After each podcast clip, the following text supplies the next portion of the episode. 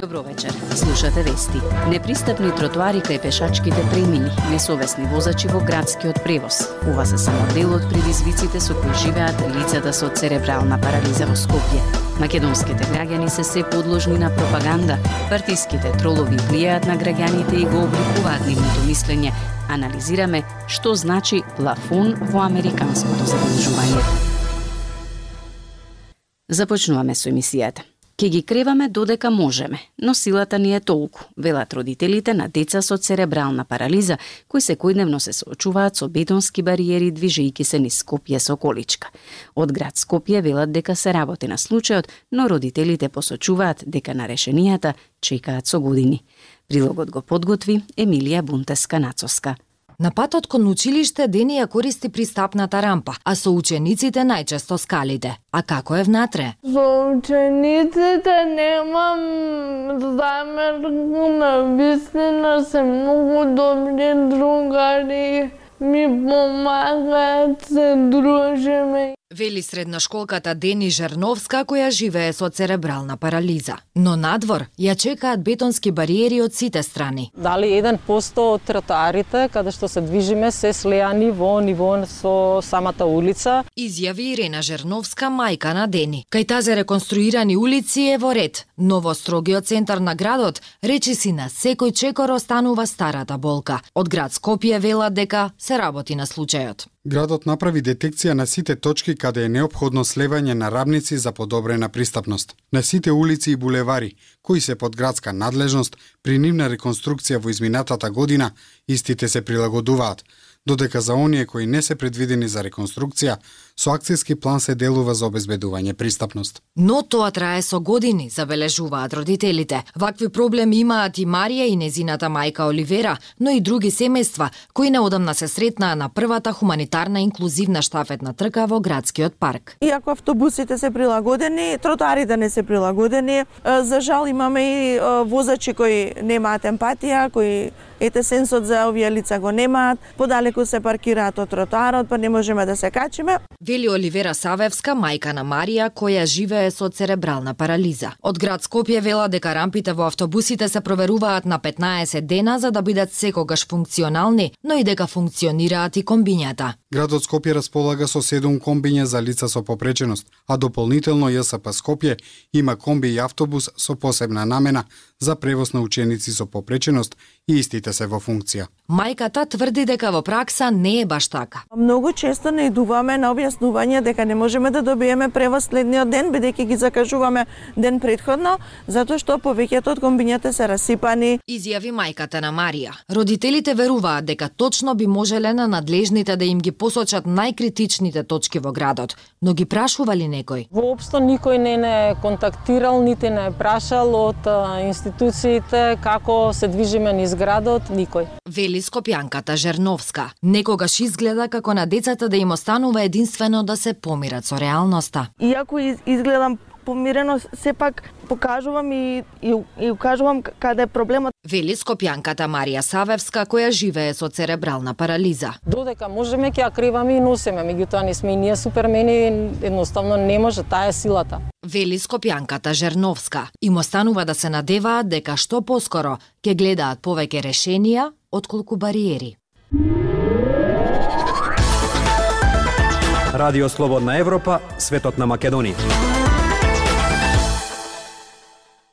Тим на Радио Слободна Европа ги следеше објавите од најголемите партии и нивните челници во последните неколку недели. Евидентиравме дека речиси на секоја од тие објави редовно коментираат 30 на исти профили со речиси идентични коментари.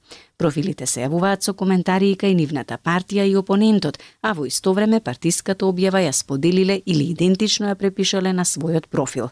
Што прават партиските тролови и какво е нивното влијание? Што се тоа партиски тролови и која е нивната улога? Деталите од Емил Златков. Модерната технологија ги модернизираше и политичките партии во Северна Македонија, па старите лепачи на плакати станаа дигитални лепачи на плакати. Лепат на Facebook, на Instagram, во коментари во постови. Лајкуваат, фалат и кудат, колнат и пцујат некои под вистинско име, но повеќето за лажни профили, за да не се препознае дали се од овој или од оној политички табор. Многумина им наседнуваат и ги споделуваат нивните објави но има и такви кои веќе ги научија кои се. Таквите профили стручната фела ги нарекува тролови или живи ботови. За разлика од ботот, кој е робот, тролот е вистинска личност. Целта и намерите на тролот се да испровоцираат емоции за омраза или страв, како и да манипулираат со перцепцијата на другите. Троловите се често дел од групи стоемисленици, најчесто поврзани со политички партии или така наречени трол фабрики. Порано тие активисти настапувале самостојно, но сега откако интернетот и социјалните платформи станаа место за политичка борба, партиите се организираа, вели за Радио Слободна Европа, универзитетскиот професор доктор Сеат Джигал го зголемуваат своето влијание во интернет со тоа што мултиплицираат, едноставно копираат содржина на повеќе сајтови, го зголемуваат нивото присуство во онлайн а потоа го трансферираат во социјалните мрежи, Twitter, Facebook, Facebook групи, Facebook страници, сега и на TikTok да допрат малку и до младите, се повешни се тие партиски пропагандни или политички центри за информирање кои што знаат како умешно да ги пласираат тие содржини каде што треба за да стигнат до одредени групи објаснува Джигал. Интернет кампањата на партиите е сосема законско нешто, вели комуникологот и експерт за социјални медиуми Бојан Кордалов, но дека е сериозен проблем така наречената црна кампања. Кога зборуваме за троловите, за ботовите и за другите негативни аспекти кои што ги користат дел од партиите, тогаш веќе ние ја суспендираме демократијата и вршиме влијание врз граѓаните. Значи, од обратен процес, односно се обидуваме а, да ја а, узурпираме или да ја невозможиме нивната нивната слободна волја. Вели Кордалов. Според стручната фела, овие интернет агитатори со своите објави и коментари можат потенцијално многу да влијаат на граѓаните и на нивното мислење.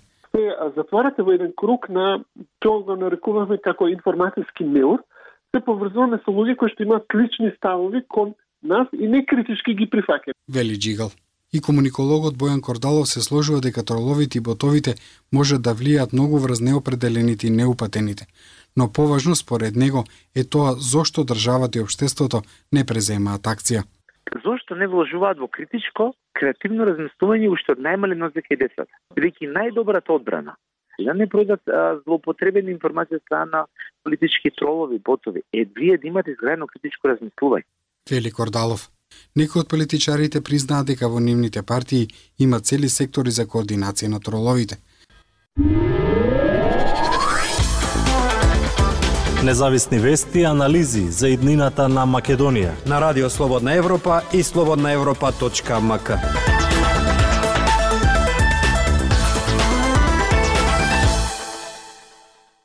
Владата се фали со зголемување на просечната плата на голем број вработени во јавниот сектор и натаму се на ниво на минималец. Додека платите на функционерите се зголемија за 78%, просветните работници со мал фонд на часови земаат само 12.000 денари месечно.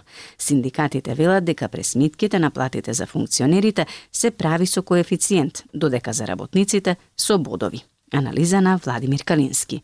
Иако просечната нето плата во март годинава е зголемена и изнесува 34.925 денари според податоците на Државниот завод за статистика, синдикатите реагираат дека над 90% од вработените во администрацијата се уште земаат пониски плати, кои во просек се помалку од 23.000 денари, додека примањата на илјадници работници се на ниво на минималната плата, во меѓувреме платите на функционерите пораснаа за 78%, што е скоро двојно повеќе, но владата се фали дека зголемувањето на просечната плата е поради неизините предвидливи и конзистентни политики кои овозможиле константно зголемување на животниот стандард, Вице-премиерот за економски прашања Фатмир Битики рече дека просечната нето плата во март се доближила до индексот на трошоците за живот, односно инфлацијата. Инфлацијата во Македонија е скоро 20%, додека потрошувачката кошничка изнесува нешто под 50.000 денари.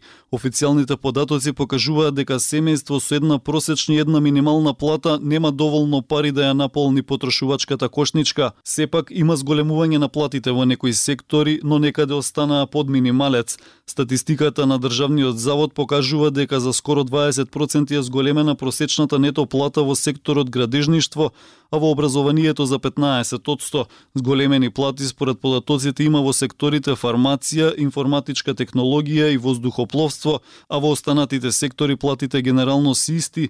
Во некои сектори, како заштитните и истражните дејности, вработените земаат и подзаконски минималната плата од 20.175 денари.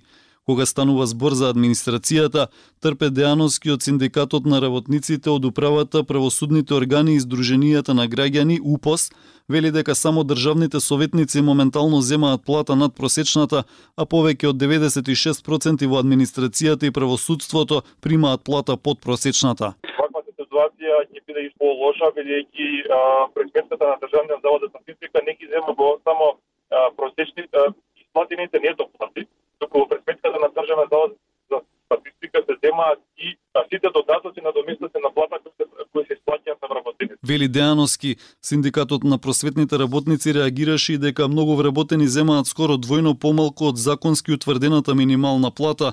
На протест во Скопје на 24 мај тие побараа владата да ги почитува колективните договори и да добијат покачување на начин како што добиле функционерите, коефициент од 2,5 да биде помножен со минималната плата, како што велат за да добијат достоинствено вреднување на трудот на просветните работници. Просветните работници на протестот апелираа влада титно да ги почитува колективните договори. Актуелности свет на Радио Слободна Европа. Од светот, што значи терминот плафон во американското задолжување? Договорот за законот меѓу американскиот председател Џо Бајден и председателот на представничкиот дом Кевин Мекарти за подигнување на лимитот на задолжувањето, како и постигнување нови кратења на федералните трошоци, ја помина најважната пречка, напредувајќи кон представничкиот дом на дебата и очекувано гласање за усвојување на истиот. Вашингтон редовно поставува ограничување на федералното задолжување. Во моментов тоа е приближно 120% од годишното економско ниво на земјата. Задолжувањето го достигна тој плафон во јануари, а Министерството за финансии ги задржа врските само во рамките на лимитот. Министерството за финансии предупреди дека може да остане под предвидениот лимит до 5 јуни, односно неколку дена подоцна од предходната прогноза за 1 јуни. Бајден инсистира Конгресот да го подигне сегашниот плафон на долгот од 31,4 билиони долари без дополнителни услови. Неколку земји во светот имаат закони за задолжувањето, а периодичното укинување на лимитот за задолжување само му дозволува на Вашингтон да плати за трошоците што Конгресот веќе ги одобрил.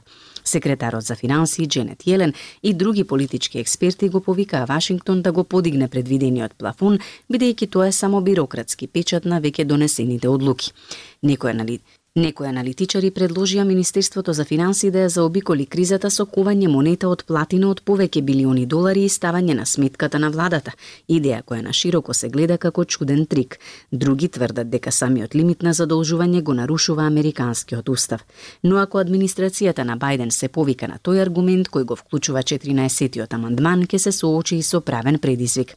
Белата куќа ги отфрли двете идеи како непрактични во оваа фаза. Сето ова би можело да предизвика низа последици врз глобалните финансиски пазари, бидејќи инвеститорите ја доведуваат во прашање вредноста на американските обврзници кои се сметаат за едни од најбезбедните инвестиции и служат како базични елементи во финансискиот систем. Американската економија речиси сигурно ќе западне во рецесија ако владата е принудена да пропушти исплати за работи како што се платите на војниците или социјалното осигурување за постарите лица.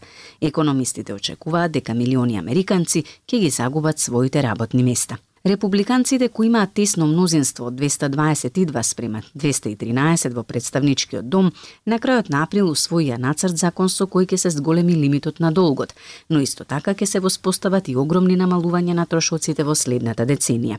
Нацрт законот нема шанси за одобрување во американскиот сенат под контрола на демократите.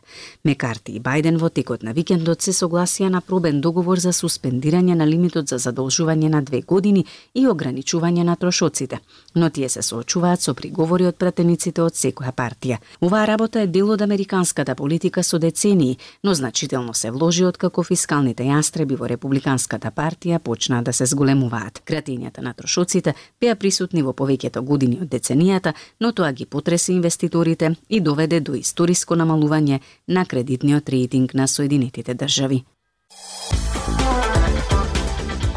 Толку во оваа емисија ја слушавте програмата на македонски јазик на Радио Слободна Европа. Од студиото во Скопје ве поздравуваат Дејан Балаловски и Марија Тумановска.